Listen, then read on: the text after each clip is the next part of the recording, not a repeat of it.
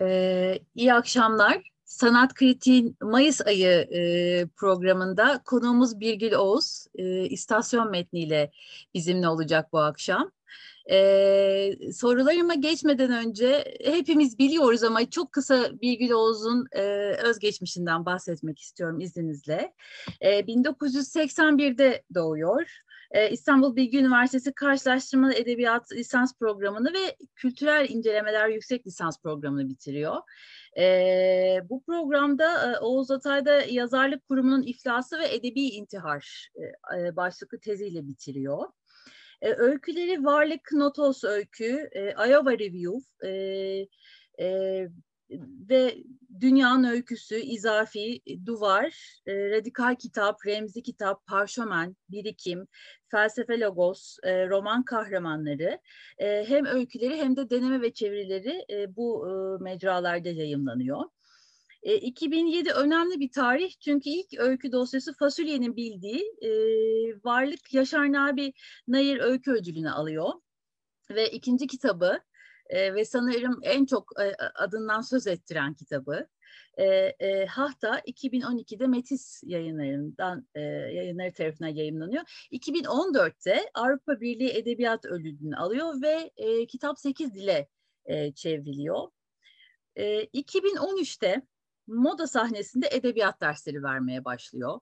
E, bu dersler çok önemli dersler. Biz bunları e, izleyebiliyor muyuz? Bir mecra açık mı? Yani kaydedildi mi acaba katılamayanlar için? Öyle bir şey var mı? Bir arşiv var ama açık bir arşiv değil. Açık değil. E, evet. Peki. E, Iowa Üniversitesi'ne bağlı International Writing Program'ın e, 2015 yılı katılımcılarından ve İstanbul'da yaşıyor. Ben sözü çok uzatmadan e, giriş yapayım izninizle. E, metnin adından başlamak istiyorum. E, istasyonlar aslında yolculuk rotalarımız üzerinden hatta önceden belirlenmiş, rotalarımız üzerinde önceden belirlenmiş işaretli mekanlar. E, duraklama, dinlenme alanları hatta bizim aslında çok da seçebildiğimiz mekanlar değil. E, yolculuk esnasında zorunlu bir ara verme alanları. E, yolcu olarak dışarıdan seyrettiğimiz, bir bakıma yabancısı olduğumuzda yerler. E, istasyonda da belirsizliğin zaman zaman tekinsizliğe doğru yöneldiği bir e, yaşam alanı deniz için. E, deniz yükleriyle beraber kendi belirsizliğini de buraya sürüklüyor sanki ve öte yandan da metin ilerledikçe bu belirsizliğin getirdiği bir imkanlar alanına da dönüşüyor aslında burası. İstasyon ada diyoruz metinde herhalde.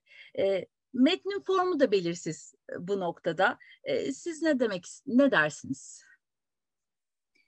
Valla e,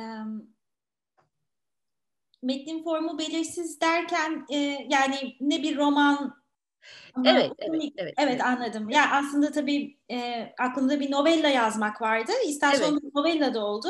Ama evet. arka kapak yazısında uzun bir hikaye gibi. Uzun bir hikaye. Evet evet. Röportajınızı da tartışıyorsunuz. Novella, uzun öykü. Aslında çok da adlandırma meselesi değil. Hatta bunun belirsizliği de e, herhalde e, sizin tercihiniz. Evet zaten işte novella bana göre bir ara form olduğu için Evet. E, sanırım o belirsizliği biraz belki o karşılıyor. E, İstasyon yani şöyle bir şey e, bu arada çok haklısın yani istasyon gerçekten bizim tasarlamadığımız neyle karşılaşacağımızı asla bilemediğimiz bir ara mekan gibi. Yani herhangi bir işte trenin geçtiği bir istasyon da olabilirdi bu aynı şekilde. E, bu hikayede istasyon adlı işte bu novelladaki kahramanımın gittiği istasyon ev benim için e, o hikayeyi anlatabilmem için e, işlevsel bir önemi olan bir şeydi yalnızca başlangıçta. Yani hikayeyi anlatmama olanak sağlayacak bir e, mekan olarak düşündüm orayı. Benden beklenmeyecek bir hızla istasyon ev işte diyerek çok kurcalamadan buna derhal inanarak yani hemen ikna olarak e, bunun gerçekliğine e, burası bir istasyon ev ve o, o evi açık tutan insanlarla o evde gelip kalan insanlar işte gelip geçici insanlar ve asla bilemiyorsun işte istasyon eve giden biri de onu orada kimin karşılayacağını bilmiyor e, istasyonun evdeki kişi de o eve kimin geleceğini, orada ne kadar kalacağını bilmiyor. Böyle genel bir belirsizlik hali var.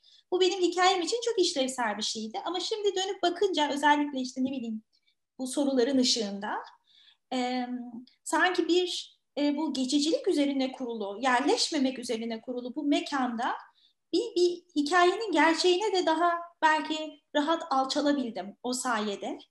E, böyle bir şey oldu galiba ve bir de e, hemen herkesi misafire dönüştüren e, bir mekan tasarlamış oldum mu? e, biraz sonra fark ettim. Yani neredeyse kitap yayınlandıktan sonra fark ettim diyeyim. Yani metin, metnimdeki herkesin evsiz olduğunu, e, istasyonun ne ev ne değil bir yer olduğunu. Tüm bunlar işte e, galiba e, metnin de iç dünyasında, metnin psikolojisinde de e, bir şeye tekabül etti. E, böyle yani ve başlığa da çıktı zaten. E, ya ben onun ne kadar önemli olduğunu fark etmeden çıktı başlığa bu arada. Öyle oldu. E, peki bu yani ben belirsizlik olarak adlandırıyorum ama başka bir biçimde de adlandırabiliriz tabii. E, bu e, buradan devam etmek istiyorum izninizle. Belirsizlik bu form arasılık diyebiliriz belki. E, bir yer bir yerde bir noktada asılı kalma. E, aslında çağımızın da böyle nabzının attığı bir e, şey yer gibi ve yaşamımızın katı bir gerçeği olan e, pandeminin gölgesinde adlandırdığımız, yeniden baktığımız, içinde yeniden yerleştiğimiz evlerimiz, e, o işte tam olarak belirsizlik duygusuyla başa çıkma pratiklerimiz, işte o, o asılı kalma duygusu, bir türlü harekete geçememe, bekleme duygusu, e, müzeviliğimizle yeniden karşılaşma, belki onu onun üzerine düşünme, onu yeniden tanıma, yeniden keşfetme.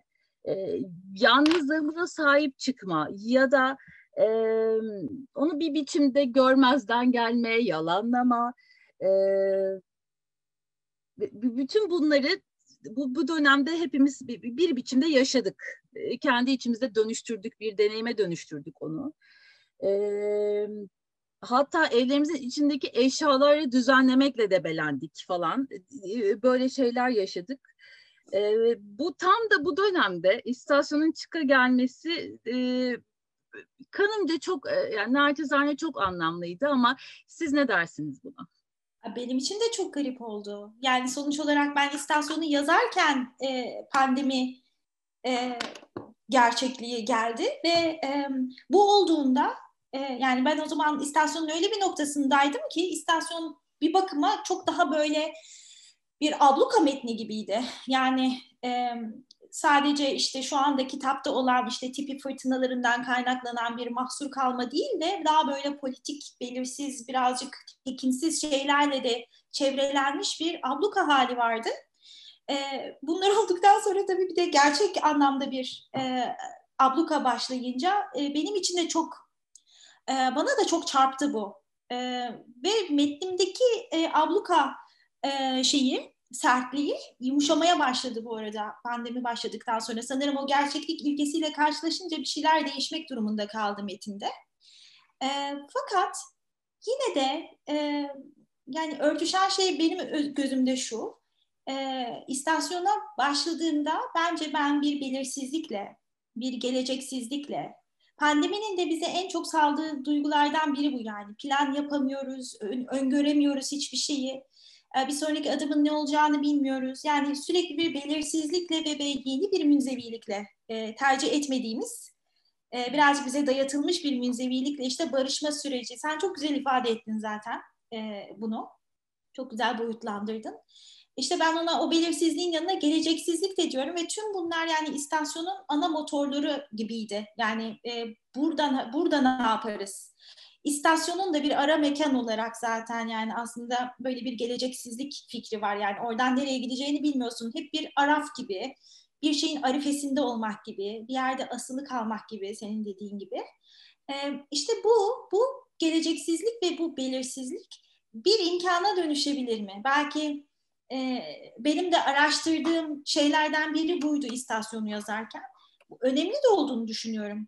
Belirsizliği bir olumsuzluk değil de e, bir fırsata, bir imkana daha doğrusu, imkan daha iyi bir sözcük, bir imkana nasıl dönüştürebilirim? Geleceksizliği e, bir imkana dönüştürebilir miyiz? Buradan bir şeyi özgürleştirerek e, çıkabilir miyiz?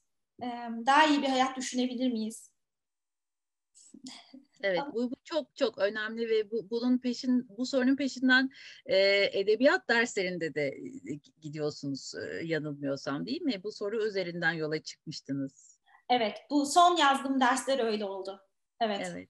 Evet öyle oldu. Ee, Buna bağlı olarak istasyonda aslında her şey birdenbire oluyor ve e, birdenbire olabilme potansiyelini taşıyor. E, öncelikle bu çok e, kaygı verici ya da tekinsiz diyelim. E, yani onun olabilme birdenbire olabilme potansiyeli bile e, potansiyelin güçlülüğü bile aslında e, çok e, tekinsiz bir duygu. E, denizin e, dünya kaygılarını o noktada biz gerçekten e, bir okul olarak okur olarak iliklerimizde hissediyoruz. Onu söylemem gerekiyor. E, öte yandan bir dağılma, çözülme, ardından yeniden dönüşme, belki yeniden bir inşa metni. E, bu noktada da bir ışık görüyorsunuz siz. Tamamen de kapkaranlık değil e, olduğumuz yer, bulunduğumuz yer. E, ayak seslerini duyduğu şeyler e, bile deniz için birdenbire olan bir şeye dönüşüyor. Aslında deniz bir şeyleri seziyor. Burada sezmek de çok önemli ama e, nedense de her şey birdenbire başına gelmiş, başına gelmiş bir şey e, olarak dönüşüyor. İşte üniversiteden uzaklaştırılması, akademik yaşamın e, anlamının birdenbire sönüvermesi, e, o yeniden dönüştürme çabası, belki o, bir şeyler yaratmanı e, anlamını yeniden dönüştürme çabası e, bile aslında her an bir yıkımla karşı karşıya ya da bir tükenmeyle karşı karşıya. E, bu beklenmeyenin kaygısı metni de bir anlamda çarpıcı kılıyor. Şöyle diyor Deniz kendi kendine, ayağını denk al kızım. En ufak bir kıpırtıda hepsi dağılır. Ve sonra yine hatırlatıyor. Dal, annesinin bir cümlesi bu. Dalgınlık edemezsin güzelim. Yani sürekli böyle bir e, uykudan uyanma, e, diri kalma e, la karşı karşıyayız. Çok önemli bir çarpıcı bir cümle var. Onu da paylaşmak istiyorum. E, bir karlı günde gecede mi gezerken şöyle diyorsunuz. Ba, e, deniz diyor daha doğrusu. Bastığın yerde ne olduğunu asla bilemezsin. Çünkü ortadan kalktılar. Ne dersiniz? Çok yüklü. Evet, ben buradan tüm bu söylediklerinden tek bir sözcüğe gidiyorum aslında. kendimi iyi ifade etmeye çalışayım. Yani bir sezgisellik var ama bir de e, bir öngörülemez şeylerin dünyasında yaşamak. Sen nelerin böyle bir şey söylemek istiyorsun? Evet. E, yani işte e, bir şeyleri sözüyor, önceden planlıyor, belki kontrol etmeye çalışıyoruz. Deniz evet. biraz böyle yapmaya çalışıyor açıkçası. Evet. Fakat e, her şey yine de birdenbire oluyor. Evet. E, sanki biraz hayat gibi bir bakıma e, hani kendi kontrol mekanizmalarımız biz ne yaparsak yapalım işte bir şeyler başımıza gelebiliyor.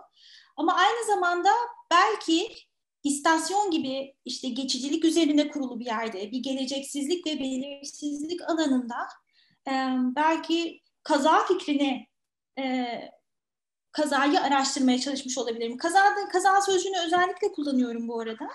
Bundan kastım bu arada bunu şu anda düşünüyorum. O yüzden saçmalarsan beni durdur lütfen. Ee, kaza e, e, accident sözcüğü e, aksidere diye bir latince kökten geliyor galiba. Neyse tam hatırlamıyorum. Fakat onunla ilgili hatırladığım şey anlamı e, başa gelen şey ama önüne düşen şey gibi de birazcık böyle bir anlamı var. Başa gelen bir şey. Sanki kazada bizim hiçbir payımız yokmuş gibi. O şey gerçekten her zaman dışarıdan geliyormuş gibi. Ki öyle mi acaba? Ee, yani kendimizi kazaya açık bıraktığımız esnalar da var. Ki Deniz'in ruh durumunu düşününce, karakterimin, işte kahramanımın ruh durumunu düşününce özellikle metnin başlarında sürekli kendine istemeden zararlar veren, sebze doğrarken parmaklarına kesikler atan, su içerken dişlerini sürekli işte bardağa çarpan, e, bir şekilde ne kadar farkında olursa olsun sürekli kapılara falan toslayan yani hep bir dalgınlık siz ee, orada kendine zarar veren diyorsunuz. Evet. Dalıp Hatta kendinden başkasına zarar vermeyen gibi bir şey. Yanlış hatırlamıyorsam. Öyle bir şey. Nasıl? Kendine zarar veren olarak evet. Evet. tanımlıyorsunuz onu. Evet. Evet. Bir de başkalarına zarar vermeye de korkan biri tabii de. Evet. Evet. evet. Zaten evet. Fakat işte bu e, yani nasıl diyeyim dalgınlıkla ilgili hani dalıp gitme, işte sürekli bir dalıp gitme de anında böyle kendini yukarı ittirme ya da işte annenin dalgınlık etme sakın deyip ama sonra kendisinin bir dalgınlık sonucu belki hayatını kaybetmesi gibi ya da evet. dalgınlığa benzeyen bir şeyle. Yani niyetli olmayan, niyetsizmiş gibi görünen ama seni son kertede kazaya açık bırakan bir durumu kendi içinden yaratmak gibi. Yani böyle bir e, benim aslında böyle özel bir ilgim de var yani şimdi e, bu soruyla birlikte düşününce hayatımda özellikle son yıllarda çok üzerine düşündüğüm bir şeydi bu. E, kaza nedir? Kaza var mıdır? E, kaza çağırdığımız bir şey midir? İşte ne kadar bunun e, bilinç dışıyla aslında ilgisi nedir? Gündelik hayatta başımıza gelen küçük tefek, minik tefek işte minik tefek nedir? Neyse küçük tefek şeylerin e, gerçekten başımıza gelen şeyler olduğunu düşünebilir miyiz? E, bu dediğin yani istasyonda her şeyin birdenbire başa gelmesi e, yani evet bu cümleyle bu cümleyi kurarak hiç düşünmedim oradaki olayları. Bana göre onlar o hikayenin gerçekliği içindeki küçük olaylardı ve aslında tek takip ettiğim şey o olaylar arasındaki sicimdi, bir ip. Hı Bu ipin ucunu kaybetmemeye çalışıyordum ve bu olaylar oluyordu sürekli. Ama bu şekilde de tersten okuyunca da aynen böyle görünüyor. Bir şey var yani sezgisel olmak, kontrollü olmak ve her şeyin başa geldiği bir dünyada ayakta kalmak. Böyle bir çizgisi de var galiba evet. Evet, röportajınızda da şöyle bir şey diyorsunuz ki zaten bu araştırmayla da çok bağlantılı. Ee, bu arada T24'te e, Mesut Varlık'la yaptığınız söyleşi bu Şubat ayında. E, dinleyiciler için hatırlatmış olalım. E, çok önemli bir röportaj o da.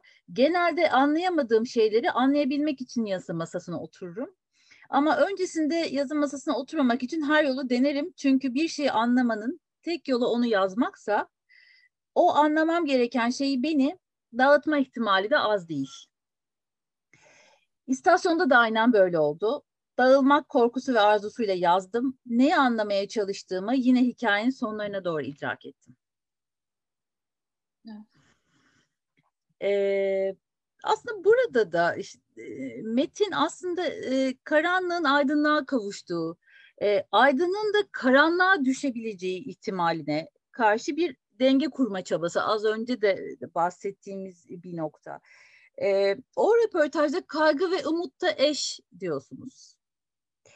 Ve e, biz de metni okurken kaygıyla umut sarkacında böyle gidiyoruz, geliyoruz, gidiyoruz, geliyoruz. E, ve e, Deniz'in sürekli olarak e, annesinin o sözüyle işte başını e, sürekli o dalgaların suyun üzerinde tutma çabası, kendini sürekli yukarı çekme, dipten yukarıya çekme e, çabası e, tam dibi boylayacakken e, kendini yukarı it, itmesi. O röportajınızda şöyle de söylüyorsunuz. E, Eagleton'dan hareketle iyimserlik ve kötümserlik eksenin dışına çıkmak, iyimserliği de kötümserliği de geçersizleştiren bir alanda kalmak daha iyi. İyimserler ve kötümserler, geleceğin onlara ne getireceğinden her nasılsa çok emin oldukları için, iyimser ve kötümserler, Oysa geleceğin bize ne getireceğini bilemeyiz. Bu bilmemek hali de iki ruh durumunu tetikliyor. Kaygı ve umudu. Durumun gerçekten vahim olduğunu kabul ettiğimizde kaygıya ve umuda kapılırız. Kaygı ve umut birbirine çok benziyor. İkisi de geleceğin ne getireceğini bilmiyor. İkisi de huzursuz, tedirgin, teyakkuzda. İkisi de belirsizliğe yani geleceğe bir beklenti yansıtıyor ve bunu aktif biçimde bir tercihte bulunarak iyi bir şey mi, beklenecek kötü bir şey mi bunu yapıyor. Geleceği düşünürken umutlu ya da kaygılı olmayı gayet rahat anlıyorum ama iyimserlik ve kötümserliğe hiç aklım yatmıyor doğrusu. fazla kendinden eminlik var yani gelecek aslında özünde her zaman belirsiz olan bir şey. Biz ona ne atfedersek atfedelim.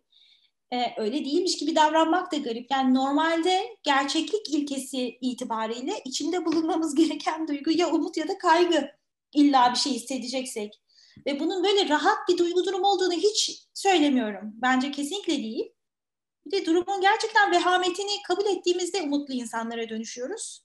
Yani bir durum ortada vahim bir durum yoksa neden umut edelim ki? Gerek yok. Yani e, ya da neden kaygıya düşelim? Gerçekten gerek yok. Bir vehameti kabul etme hali ve vehametin kendisini belki bir imkana dönüştürmeyi hep aynı yere dönüp duruyorum ama bir imkan arayışı içindeyim herhalde. Bir de bu arada sorunun başlangıcında söylediğim bir şey vardı. Hani bir şeyi ancak onu yazdıktan sonra e, evet. anlama hali. Yazarak e, anlama hali. Şu anda da fark ediyorum ki o hala devam ediyor. Yani işte e, senin e, bir, bir, bir şeyin altını çizmen ya da oraya başka bir sözcükle yaklaşman bile benim için aa diyorum yani kazaya dair bir şey aramışım burada bir de falan. E, istasyonu yazarken de tabii böyle oldu. E, belki orada şey de var hakikaten geçmiş ya da bizi esas olarak bir metni e, yazmak konusunda bizi tetikleyen şeyle ancak gelecekte karşılaşıyoruz. Evet. E, ve e, edebiyat yani metin bir başı ve sonu varmış gibi olduğu için daha doğrusu bir çerçevesi olduğu için bize o duyguyu belki yani yazarken de okurken de e, o duyguyu belki daha kristalize bir halde, daha böyle billur bir halde evet. yaşatıyor olabilir. Belki o yüzden bu kadar lafını ediyoruz bunun. E, bir de sanki burada şey var, e, bu bir inanç sorunu olabilir. E, e, sanki çok çok biraz kabak bir şey söyleyeceğim belki ama böyle çok felsefenin temelinde olan bir şey çünkü bu yani öğrenmek var mıdır? Ee, ben sanki biraz daha e, hani öğrenmek yoktur. Öğrenmek dediğimiz şey özünde bir anımsamaktır. Yani o şey vardır ama e, oraya geri dönersin. Yani ancak gerileyerek e, kendi kendimize dair bir şeyi hatırlarız yani. E, idrak sözcüğü de zaten ilginç bir sözcükmüş. Evet işte böyle e, derekeden geliyormuş. Dereke bir merdivenin en alt basamağı demekmiş. E, yani derekeye varmak için çoktan çıktığın, geçip gittiğin basamağa geri inmen e, gerekiyor. Birazcık psikanalitik bir düşünme olduğunun farkındayım bunun. Burada hiç gizemli bir şeyden söz etmiyorum.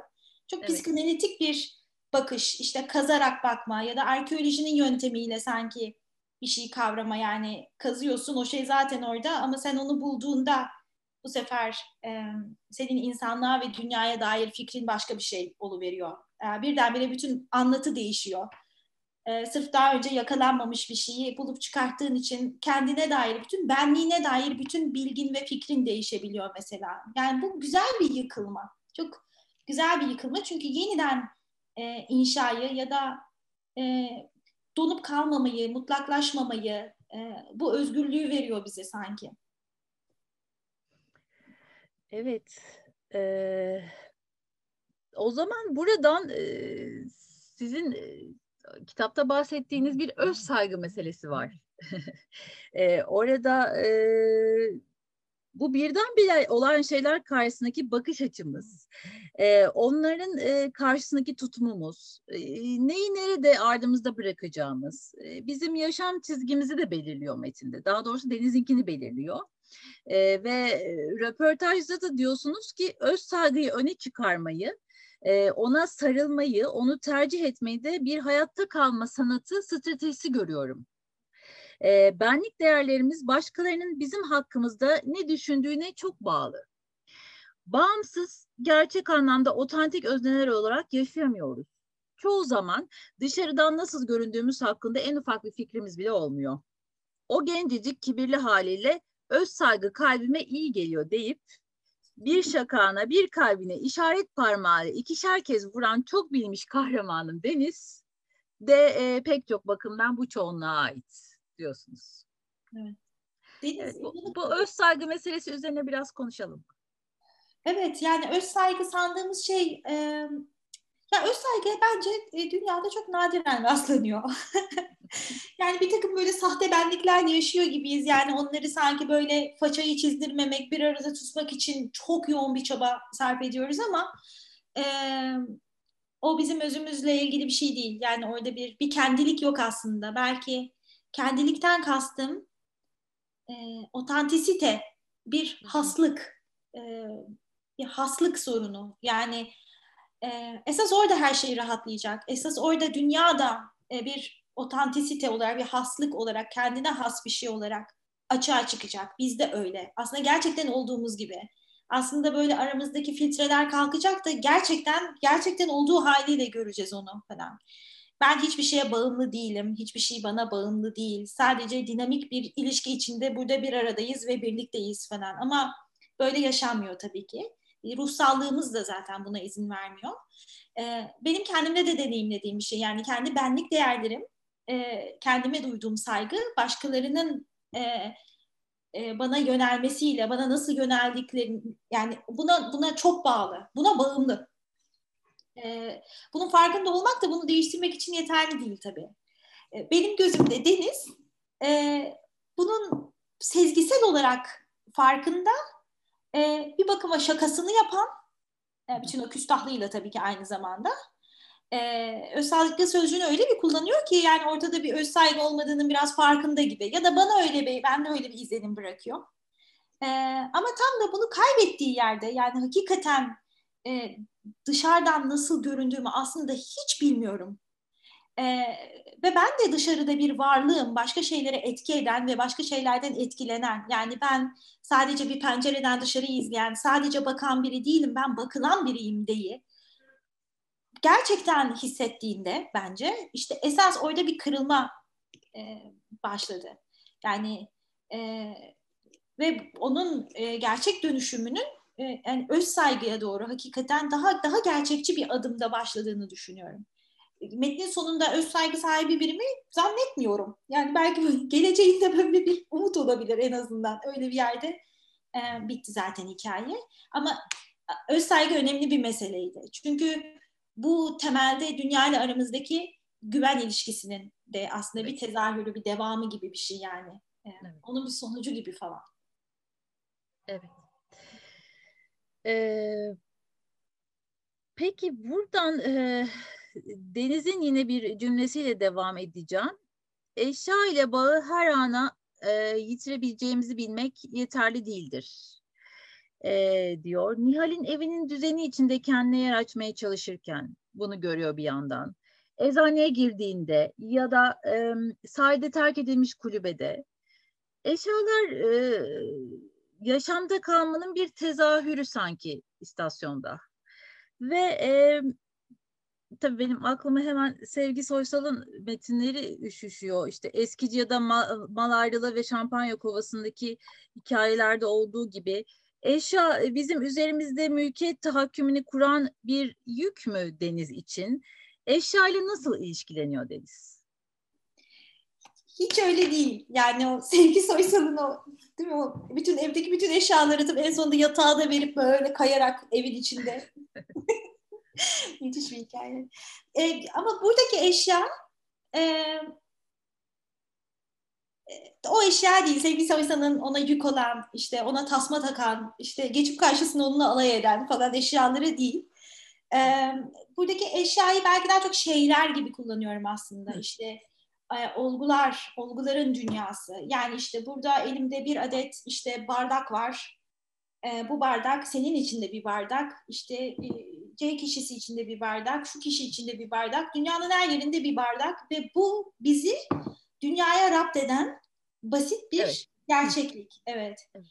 Bu e, denizin e, eşyayla ve şeyler yani aslında baktığı her şeyle arasında e, acayip bir tutunma ilişkisi olduğunu yani bir ana tutunma bu. Yani o anda kalabilme. Yani ortaklaşa paylaştığımız zamanı, e, şehri, işte yeri, yani neyse o hiç fark etmez deniz için yeter ki başkaları da olsun. Yani başkalarının huzurunda da olduğumuz yerlerde bizim için ortak olan nesnelere tutunmak. Çünkü onunla bağını her an yitirebileceğini çok fazla hissediyor.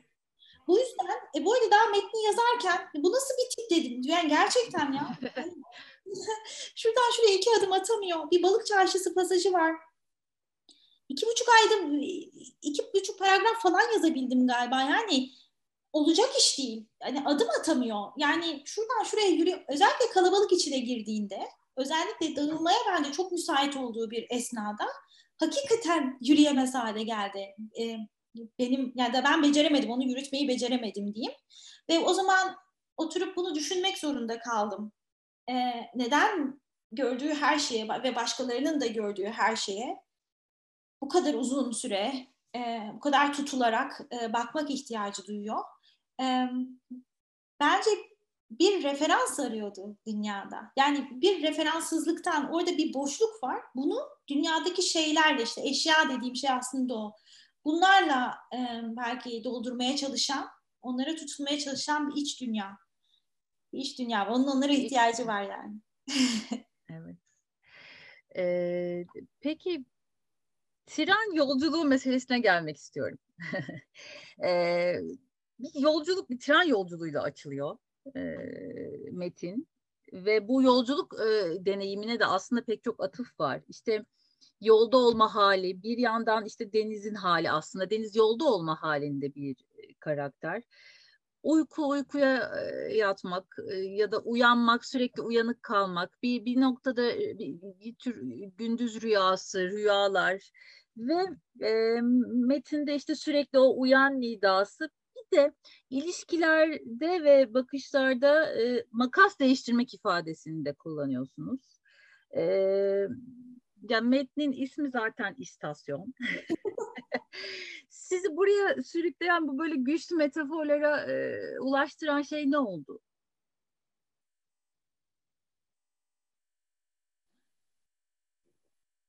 O iplik. İplik yüzünden oldu. O e, olaylar ya da şeyler arasındaki iplik onun ucunu kaybetmemek için e, gösterdiğim çabanın orada çok büyük bir çaba vardı onu kaybetmemek için. Çünkü asıl olan oydu. Tek tek olaylar, kişiler, görüntüler falan değil de her şeye can üfleyen, böyle bir canlılık üfleyen bir şey vardı. O ipin ucunu çok sıkı tutabildiğim için e, bu imgeler e, sökün edebildiler metnin içine. E, ama hiç gizemli bir şey söylemiyorum bu arada. Bu hiç hı hı. Işte onlar geldi metne indi falan öyle, öyle bir şey değil yani. Gerçekten çünkü dönüp bakınca sonradan fark ettiğim e, çok fazla e, şey var, patika var metnin içinde. Ve metnin içindeki adımlar, patikalar, şunlar bunlar ve makas değiştirmeler. Yani e, yoğun bir e, bilinç dışı e, şeyi e, şablonları neredeyse e, oluşmuş. Evet. E, bu yüzden hani gerçekten neyi yazmış olduğumu hala anlamakla meşgulüm. Yani bu bazen bir metni okuduğumda da oluyor bu arada. Yani o metni neden okuduğumu da çok sonra anlıyorum. Onu tabii anlıyorum. Bence Ama... bu hepimize olan bir şey. evet ve bu çok ilginç bir şey. Yani e, bu çok e, bu çok arı bir deneyimdi aynı zamanda. Ya bu çok e, hareketli bir şey. Çok edebiyat gerçekten sürekli vuku bulan bir şey. Bizde kalan bir şey yani. E, metinle okur arasında vuku bulan bir olay gibi. Yani ne metinle ne sadece okurla ilişkilendiremiyorum onu. Yani hakikaten ortada vuku buluyor ve sürekli gidip geliyor. iki tarafa çarpıyor.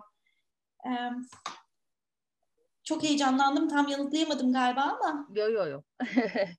ee, peki burada metni okurken e, tabii çok çok basit. Yani böyle bir tren göndermesinden hemen oraya gittim gibi değil ama böyle Oğuz Atay'ın sesini duymak çok anlamsız olur mu burada? Mesela işte sanatın bir üretim alanı olarak istasyon ev orada. Burada Deniz'in işte o kitabı daha doğrusu tabii onlar bir ders notu sonuçta ama onları gerçekten hakkıyla bir, bir sanatsal çabayla yazmaya çalışıyor, kurguluyor, uğraşıyor falan ama sonra hepsi anlamını yitiriyor ve vazgeçiyor. Ee, yani böyle bir şey duyabilir miyiz? Yazarlığı da iflas ediyor. Sanki evet. Deniz'in yazarlığı da iflas ediyor o gerçeklikini. evet. ee, Oğuz Atay. Ya Oğuz Atay e, Oğuz Atay Ayrıca e, e, çok özür dilerim e, sizi böldüm ama yani Deniz aynı zamanda çok e, kendiyle de uğraşan, e, kendiyle çok e, savaşan demeyeyim ama didişen biri. E, kendi iç sesiyle çok didişen biri. O anlamda da belki e, öyle bir ses duydum ben sanki. ben de tam oraya gelecektim. Yani az çok anladım. E, fakat bence çok temel bir fark var. Hı hı. E, ben Deniz'in yaptığının yani kendi ruhsallığıyla işte bağı yani hakikaten çok sık dokulu bir bağı var. Kendi ruhsallığı evet. ama beceriksizin de önde gideni. Yani bir şeyleri kolay kolay değiştiremiyor. İlla dışarıdan falan gelmesi gerekiyor yani ona. E, fakat arada şöyle bir fark var bence. Yani Deniz tam olarak kendiyle didişmiyor ama büyük bir anlama çabası içinde. Evet. Oğuz Atay'daysa anlaşılmak çabası çok daha ön planda gibi geliyor. Hmm. Evet. Bu bana çok temel bir şeyi hatırlatıyor aslında. Yani e, böyle nasıl diyeyim sanki e, Deniz'in derdi sevilmek değil de sevmek gibi. Oysa ki Oğuz Atay'da belki durum biraz daha farklı. Yani ondaki o acı alay, sarkastik, yer yer bence son kertede sinik e, şeyler de yapıyor. E, çok sevdiğim bir yazar bu arada. Yani onu okuduğum için bu cümleleri kurabiliyorum. Oğuz Atay tabii ki. Fakat e, böyle belirgin bir fark var. Bu yüzden e, temelde yani kendi metnimin kumaşında işte Deniz'in sesinde bir Hikmet Benolu, e, Turgut Özben'i bulamıyorum. Onların anlaşılma ve kabul edilme e, çabaları aşırı yoğun. Yani ağırlıklı evet. orada tamamen. Yani bütün varlıkları buna bağlıymış gibi. E, Deniz'in ise bir şey anlaması, içeride iki bir bağlantıyı kurması gerekiyordu. E, Oğuz Atay karakterleri sanki zaten çok iyi bildikleri bağlantılarıyla gelip e, bunların niye kabul edilmediğini, neden dışarıda anlaşılmadığını sorgulayıp duruyorlar. Evet. Yani, bu anlamlı bir... Ee, istasyonda e, bakış, görme biçimleri e, çok e, merkeze yerleşmiş metnin omurgasını oluşturuyor gibi ve biz bunu metnin görsel hafızasının güçlülüğü karşısında da hissediyoruz. Bu, bu çok bu çok görsel görselliği çok yoğun bir metin. E, ve aslında hikayenin sonunda doruk noktası da belirleniyor. Deniz ve e, sevgili köpeği arkadaş. Bu arada isim çok güzel. E, en nihayetinde e, o tablonun içine giri veriyorlar. Tabloyu dışarıdan izleyen değil, tablo, tablonun kendisi bir parçası e, oluyorlar. Bizzat o tablonun yaşayan karakterleri oluyorlar. E, bir de bakış açısı bir şeye nasıl baktığınız burada yani denizde e, denizi düşündüğümüzde bir kurtuluş stratejisi haline de geliyor. E, denizin arkadaşla karşılaşma deneyiminde de var aslında bu. E, bu stratejisi yok. Pardon böldüm ama neden? Yok yok. E, bir tür e, kurtuluş demeyeyim ona. Belki orada bir şey olabilir yani fazla iddialı bir şey olabilir. Ama bütün o e, belirsizliğin içinden çıkışın bir imkanı gibi düşünelim. Öyle bir strateji, sizin de söylediğiniz o stratejiye bağlı olarak söylemek istediğim şey. Bu eşyayla eş, aynı mantıklı değil mi? Evet, evet, evet. Tamam, pardon. Evet. Evet. Ee, şöyle diyor Deniz ile arkadaşın karşılaşma anında. E, sonra bana göz ucuyla her bakışında aramızdaki bağ bir sicim daha eklendiğini, çapraz ilmikler attığını, sicimin iki ucu yalnızca benim mevcudiyetimi değil, benimkine bağlaşık kendininkini de yokladığını fark ettim. O beni görüyordu, ben de onu görüyor muydum? Bu bakış meselesi için ne söylemek istersiniz? İşte bu e, ben onu görüyorum o ben seni görüyorum. Sen de beni görüyor musun? İşte bakmakla bakışmak. Ee, bir arkadaşım e, istasyonla ilgili böyle bir yorum yaptı. Deniz sürekli manzaralara bakıyor ya da baktığı her şeyi bir manzaraya dönüştürüyor. Ama bir yerden sonra manzara da ona bakmaya başlıyor.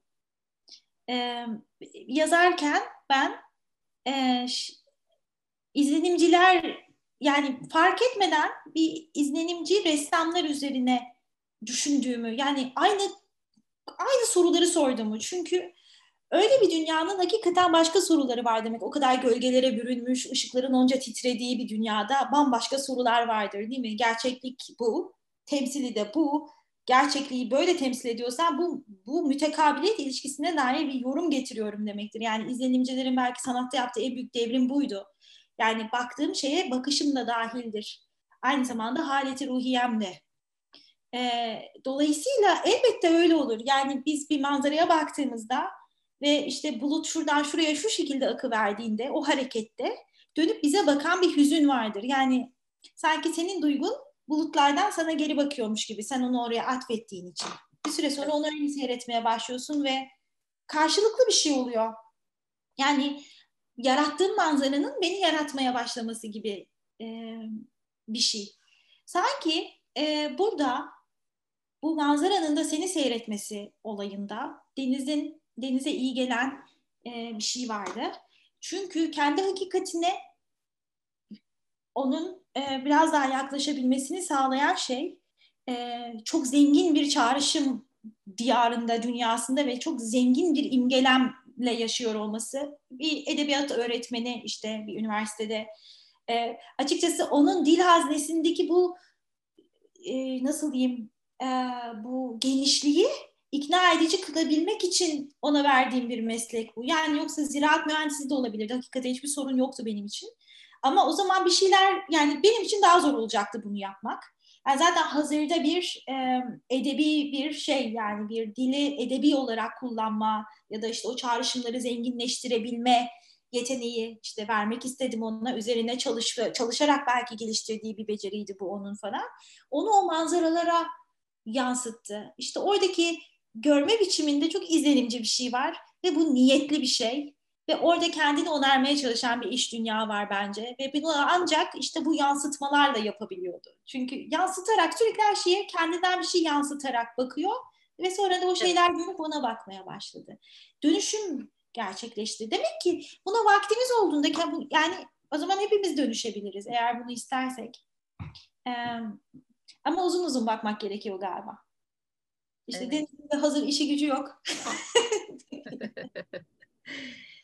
ee, peki bu çocukluk ve e, çocuk olma hali ve de e, hayvan oluş diyebilir miyiz böyle adlandırabilir miyiz? E, her ikisi de metinde çok böyle e, kıymet verilmesi gereken bir üslupla, çok böyle e, zarif bir üslupla anlatılmış. Onu söylemem e, gerekiyor. Mesela bakış, e, bakmak e, o ilişkide devre dışı kalıyor gibi. Yani e, arkadaşla e, Deniz'in bakışmasının ötesinde bir şey söylediğim. Bir, bir tür ideoloji, bakışın ideolojisi diyebilir miyiz bilmiyorum. Çok mu iddialı olur ama arkadaş ile Elif e, arasındaki ilişkiyi, e, dayanışmayı, diyaloğu ne diyeceksek ona e, anlatmaya çok da yeterli gelmiyor ve hatta Deniz zaten diyor ki ben onlara bak bakmazken nasıllarsa öyleydiler. E, mesela yine Elif'le arkadaşın kış gecesinde e, işte arka arkaya yürüme sahnesi. Allah'ım o çok çarpıcı bir sahne. Çok e, inanılmaz bir sahne. E, ve bir, bir tür böyle fotoğraf karesi gibi e, hayvan oluş ile çocuk oluş arasındaki kuvvetli bağ fark etmiş bir sahne orası ve e, bu oluş biçimleri metinde e, insan olmanın çok dışında bir yerde de konumlanıyor. E, Deniz bir çıkış yolundan bahsedeceksek yani o kendi çıkış yolundan bahsedeceksek bu ilişkilerin aynasında aslında o az önce söylediğimiz neye nasıl baktığımız, o bakış açısının dönüşümüyle e, ilgili bir şeylere de tam da oradan ulaşıyor galiba. Yanılıyor muyum? Yo öyle galiba evet. Çok mu, çok karışık mı anlattın? Yo yo hayır değil. Yani e, ama tam olarak acaba bunun adını koymak mümkün mü? Yani arkadaşla Elif arasında olan e, ama Deniz'in dünya ile arasında kuramadığı evet. bir şey. Ve belki o son sahnede hani şey dediğinde onlara bakmazsam bakmazken nasıldılarsa yine öyleydiler. Yine öyleydiler evet. Çok bir kafa aslında o tam deniz. Gerçekten. Ben onlara bakmazken nasılsalar yine öyleler herhalde ama o sırada onlara bakıyor. Yani evet. demek ki farklı bir şey görüyor. Yani bir kendilik belki yine evet, bu hastalık şeyine gidiyoruz evet. Evet. Ee, bir kuzenim bana şey dedi. E,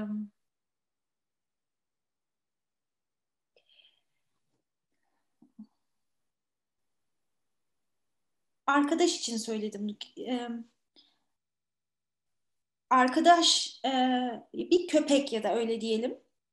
E, hani dile fırlatılmamış ya da işte şimdi evet. ben bir şey ediyorum. Başka bir sembolik düzende yaşadıklarını evet. e, düşünürsek eğer. E, e, yani başkalarının huzurunda yalnız kalabilmek. E, belki ideal arkadaşlık tanımı bu. Yani aslında ideal bir ilişkinin tanımı belki işte anne ile çocuk arasında, çocukla köpek arasında, denizle köpek arasında, bizim sevgililerimiz aramızda, şununla bilmem ne arasında. Onun huzurunda da yalnız kalabilmek. Yani onun huzurunda da e, işte hücre duvarları olan, e, içine girilmeyen ya da bir başkasına penetre etmeyen bir varlık olarak yani iç içe geçmeden, e, ihlal etmeden hiçbir şeyi e, kalabilmek. Bu müthiş bir e, bence bilgi üretiyor kendi içinde ve belki Elif'le arkadaş arasında doğallıkla olabilen şey buydu. Çünkü herkesi içinde dünya hala çok otantik. E, otantik bir şey. Yani var, kendinde bir şey o. Var, e, kendi de var ve bir bakışma var dolayısıyla ortada e, sadece. Oysa ki deniz de öyle değil yani deniz yansıtmalarıyla, bütün o iç dünya karmaşasıyla, e, dünya ile arasındaki o sayısız filtreyle, bütün o güvensizlik duygularıyla e, çok daha farklı bir yerde. E, galiba arayış özünde bu yani çok yalnızız, hiç yalnız olmak istemiyoruz ama yalnız kalamamaktan çok korkuyoruz. Çünkü başkalarının huzurunda yalnız kalamıyoruz.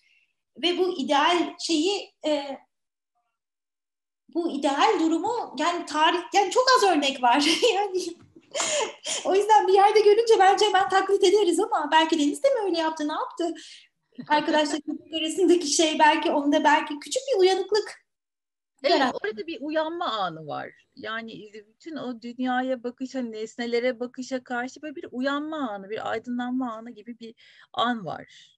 Evet. Aslında evet.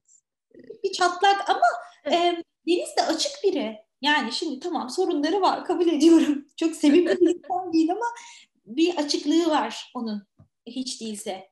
Ee, oradan zaten girebildi. Bence bir şey orada küçük bir evet. çatlak olabildi. Ee, evet. Evet. Evet. Ee, bu çocukluk meselesine azıcık daha kalalım istiyorum. Ee,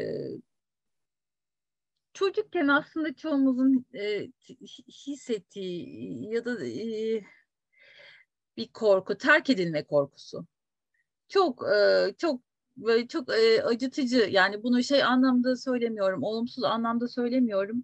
E, çok güçlü anlatılmış. Deniz e, bir yandan da şöyle diyor e, kendi çocukluğu için. Yetişkinlerin öngörülemez dünyasında hayatta kalmaya çalışan her çocuk gibi e, benim de sezgilerim çok güçlüydü. Başında konuştuğumuz meseleye dönüyoruz. E, Sezgi tabii metinde çok e, önemli. Deniz sezgileriyle Elif'i ve arkadaşı sığındıkları yerden buluyor ve çıkarıyor. Onlara orada ulaşıyor. Sezgileriyle ona onlara ulaşıyor. Ama buradaki sezgi, yani Deniz'in de sezgisi hem bir yandan çok ıı, çocuk dünyasına, çocuksuluğa ait bir şey. Bir yandan da çok böyle bir şey söylenebilir mi bilmiyorum ama çok e, e, hayvansal bir e, tarafı da var e, ya da yabanıl bir tarafı da var. Belki o daha doğru. Siz ne dersiniz? Yani sezgilerinin yabanıl bir tarafı var. Evet. İz sürer gibi. Evet, evet. Olabilir. yani sezgisellik zaten biraz öyle bir şey tam olarak açıklayamıyoruz. Evet, evet tabii illa doğru da olmak zorunda değiller. Bir tür bir şeyin motoru gibi yani aslında ama e, ürkütücü de bir şey. E, doğru mu yanlış mı asla bilemeyeceğin bir şey ancak sonuca vardığında doğru mu yanlış mı olduğunu anlıyorsun falan. E, bilmiyorum ama e, Deniz'in e, arkadaşı ve Deniz şeyi Elif'i e, kulübede kararlılıkla bir de oraya gidiyor yani. Evet evet yani bir, bir, bir şey gibi evet. E, orada bir özdeşlik de kuruyor. Yani e, oysa ki kurmaması gerekir. Elif ve kendisi yani Elif'in çocukluğuyla kendi çocukluğu aslında bir bakıma çok farklı da. Yani yine orada da bir yansıtması var. Evet. İkisi çok farklı karakterler bu arada. Yani Elif çok daha farklı bir e, ruhsallığı var bana göre yani. Ben nereden bilebilirim gerçi de. Ee, evet ama işte Elif'i kurtarma çabası ve Elif'e karşı bir e, ne diyeyim tırnak içinde ihanet gibi de değil ama yani böyle bir bir, e, bir ihmalkarlık gibi yani Elif'e bir şey olmasın derken aslında bir noktada kendi çocukluğunu e, kurtarmaya çalışıyor gibi böyle aşırı bir yorum yapabilir miyim acaba? Yok evet bence öyle yok. Kendi çocukluğu yani e, Deniz'in macerası bu aslında tek başına Deniz'in evet. macerası. Elif çünkü bambaşka evet. bir macera yaşıyor orada ama evet katılıyorum. Evet. Böyle bir şey var yani böyle bir içsel e, eğilimi var. Ve bu arada tabii işe yarıyor da. Ya da belki de onu ortada kurtarılacak bir çocukluk olmadığını belki e, fark ediyor olabilir bu şekilde. Yani bu ilişkiler bir şekilde bir arada yaşanıyor ama herkes bunlardan farklı şekillerde etkileniyor. Yani e, Elif'in başka bir hikayesi var. Elif bence Elif e, Deniz'in hikayesinin bir işlevine indirgenmiyor kolay kolay. Yani olmuyor Tabii. olarak Tabii. indirgeyemiyoruz. Bu terk edilme meselesinde de bir şey eklemek istiyorum. Lütfen. Bence de yani çok e, terk edilme korkusu ve tabii ki hiçbir şeye güvenememe sonrasında ya da terk edilme korkusuyla hiçbir şeye bağlanamamak falan gibi evet. şeyler. Ee, o korkunun yanına korku çok gerçek ve doğru ve çocuklar gerçekten öyle hissetmelilerdi. Çünkü terk edilirlerse hayat çok zor. Yetişkin değiller çok. çünkü bağımlılar yani. Ve siz, e, siz o anları, e, o bırakılıp gidil, gidildiği anı çok çok kuvvetli anlatmışsınız gerçekten. Çok. bir var ne? şey, e, bir de ben buna şeyi katacağım aslında. Bu sözcük hiç geçmiyor istasyonunda ama var galiba. Terk edilmenin utancı da var. En az korkusu kadar e, ağır bir şey o utanç. Çünkü terk edilmişlik demek e, Demek ki sen vazgeçilir bir şeysin yani. Vazgeçilmez değilsin yani falan. Ee, bir bakıma bu doğru da ama yani hiçbirimiz vazgeçilmez değiliz. Yani biri bizi terk ettiğinde aslında bizi kendi gerçeğimize daha yaklaştırıyor olabilir ama e, bunu kaldırabilmek için ve bu utancı belki bir şeye dönüştürebilmek için e, bir güce, belki bir erdeme e, dönüştürebilmek için e, işte yetişkin olmak gerekiyor herhalde. Bir çocuktan bunu bekleyemeyiz elbette. Ama Elif'in farkı, Elif mesela terk edilmişliğini korkuyla yaşamıyor. Onun büyük bir güveni var. Ee, evet. Evet yani o biliyor yok ya beni bir şey olur ya bunlar beni buradan alırlar sorun yok ben terk edilmedim falan. Deniz ise öyle hissetmiyor yani. Terk bir... daha bir şey var orada. O daha orada korkulu bir şey görüyor belki. Elif'te olmayan bir şey. Evet.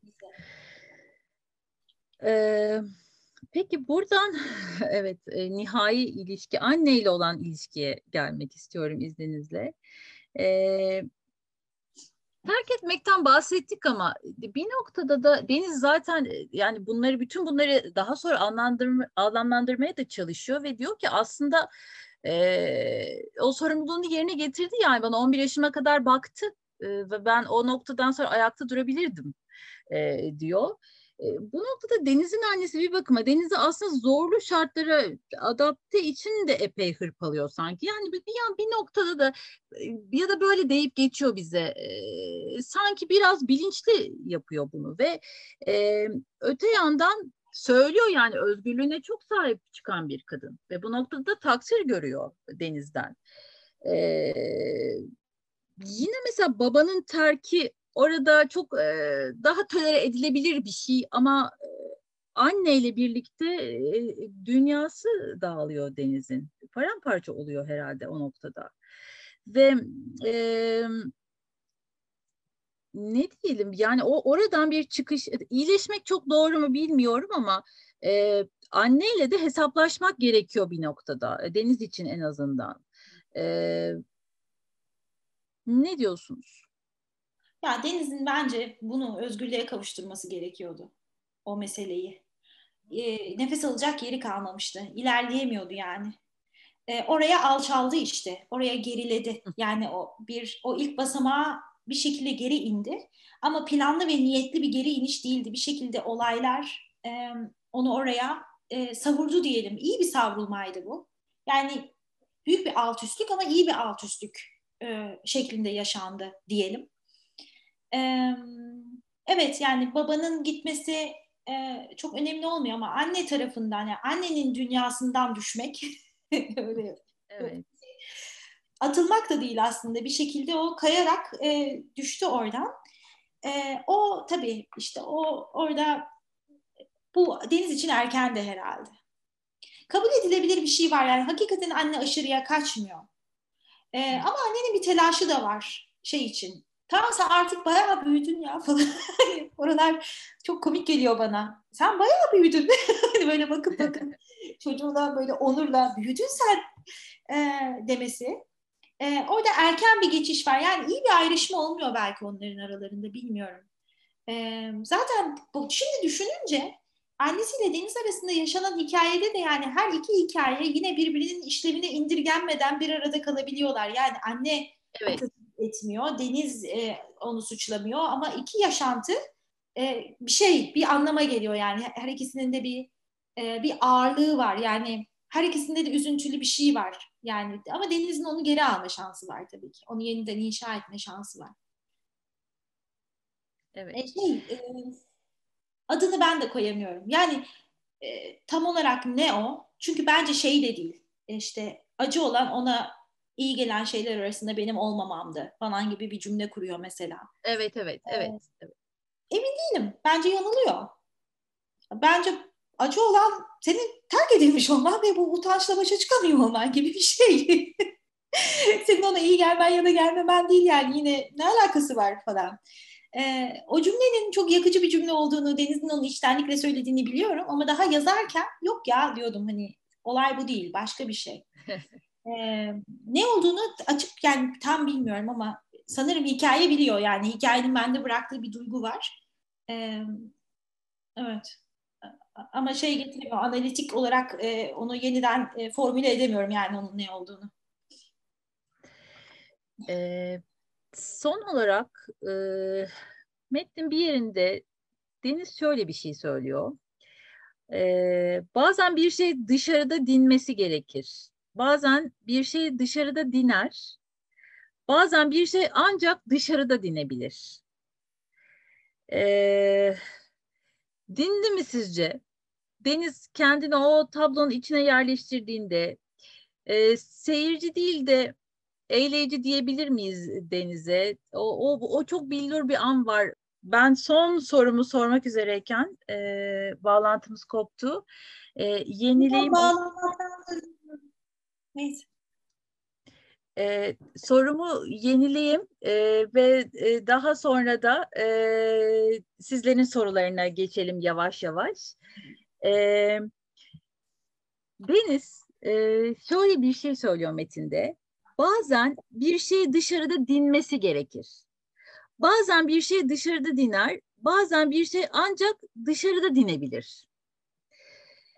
Ee, Deniz kendi tablosunun içine yerleştiğinde arkadaşla birlikte yani seyirci değil bir tür öyle söyleyebilir miyiz? Eğleyici olduğunda o çok böyle bildur bir an var orada e, kitabın sonunda kitabı bitirirken.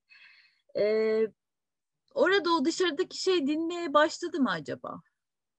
Ne dersiniz? Belki bu e, hani birlikte bir tablonun içine yürümekle de ilişkili olarak soruyorsun bunu değil mi? Evet, evet. Yani evet. seyrettiğin bir şeyin bir parçası haline gelmek artık. Evet. Evet yani belki şey gibi bir şey dışarıda diner bazen her şeyi içeride halledemeyebiliriz.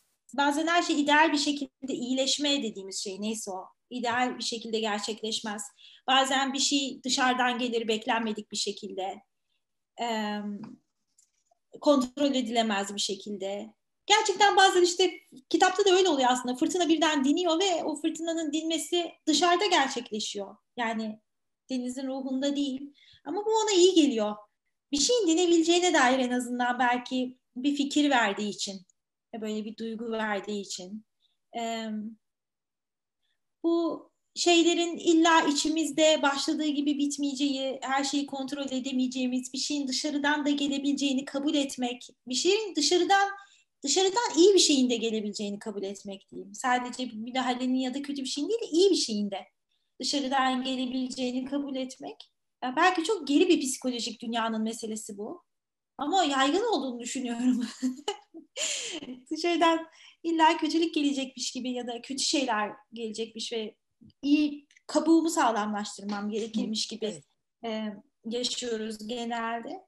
E, onu onu kırmak iyi bir şey. Sanki bunu demek istiyordum galiba. Yani bunu bir kere kabul ettikten sonra uzundur seyrettiğin e, bir resmin içine de girebilirsin bence. E, yani artık bir başkası da bana bakabilir. Yani bir başkasının da seyrettiği bir şeye dönüşebilirim. Tamam yani. Zaten öyleydi falan deyip bunu kabul ediyor. Evet. Peki benim notlarım ve sormak istediklerim burada bitti, tükendi. Sizin eklemek istediğiniz bir şey varsa onu alalım ve sonra sorulara geçelim. Ben çok teşekkür ediyorum İpek bu sorular için. Gerçekten ben, çok teşekkür ederim. Ben de bir okur olarak çok teşekkür ediyorum. Benim için çok önemli bir metindi. Ee, okurken çok etkilendiğim noktalar vardı. Ben de bir okur olarak teşekkür ediyorum. Ee, köşelerden soruları görüyorum. E, o yüzden bir yerden başlamak istiyorum. E, ilk soru şöyleydi. E, yazmaya bir cümleden mi başlarsınız yoksa bir kurguyu mu yazıya dökersiniz? Yazmaya nasıl başlarsınız? Neresinden başlarsınız? Yani e, e, bir cümleden başlar mıyım? Yazmaya bir duygu durumdan başlıyorum diyeyim. E, ama duygu durumun kendi cümlelerini bulması gerekiyor. O, o ses tonunu yakaladıktan sonra da onun onu takip ediyorum. O saçma sapan bir imgeyle geldim. Onun için çok üzgünüm ama iplik. Böyle bir Bence hiç şey saçma bir imge değil. hiç. ee, ve onu takip ediyorum ama tabii ki ana hatlarıyla bir hikaye e, özellikle istasyonda vardı. E, ama o hikayeyi neden yazmak istediğim, detayları, ne olacağı, e, yani o bilinmezliklere e, çok açık bıraktım kendimi. E, ama işte çözmeye çalıştım, yani böyle kabuğunu kırmaya çalıştım bir haleti ruhiye vardı.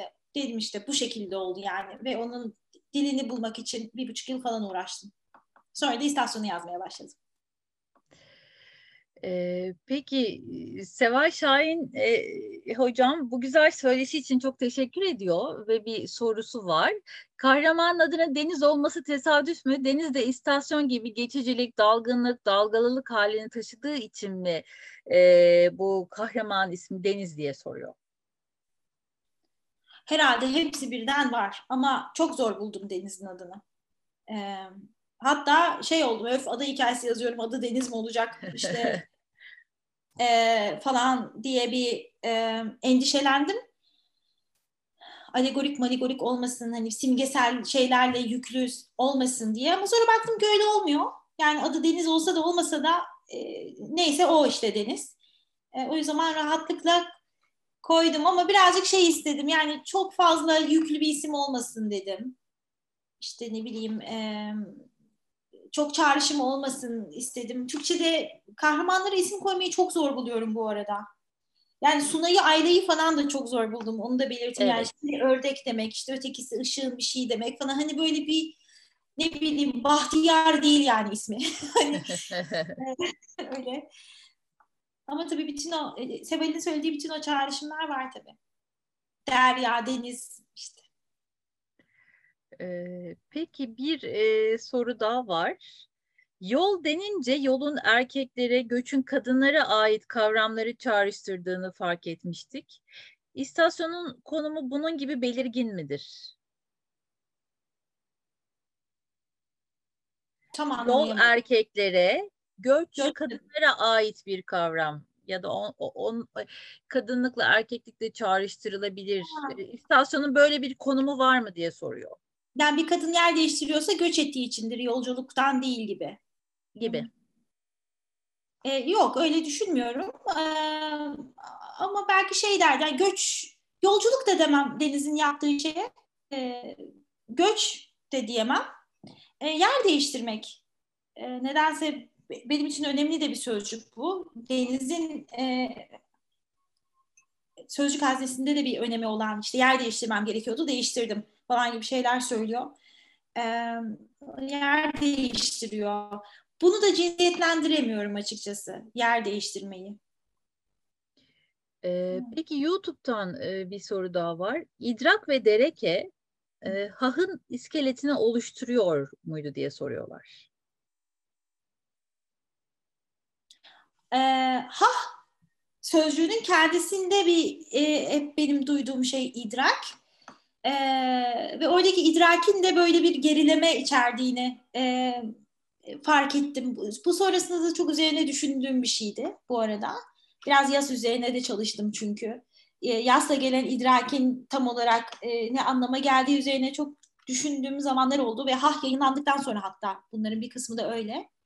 E, söylenebilir tabii ki ama bilinçli bir şekilde orada değildi. Yani sonrasında fark edilen, e, sonrasında fark ettiğim diyeyim e, bir şeydi. E, benim için sadece aydınlanma anlamına geliyordu. Ha, ama o aydınlanmanın e, gerileme içeren bir aydınlanma olduğunu e, daha sonra fark ettim.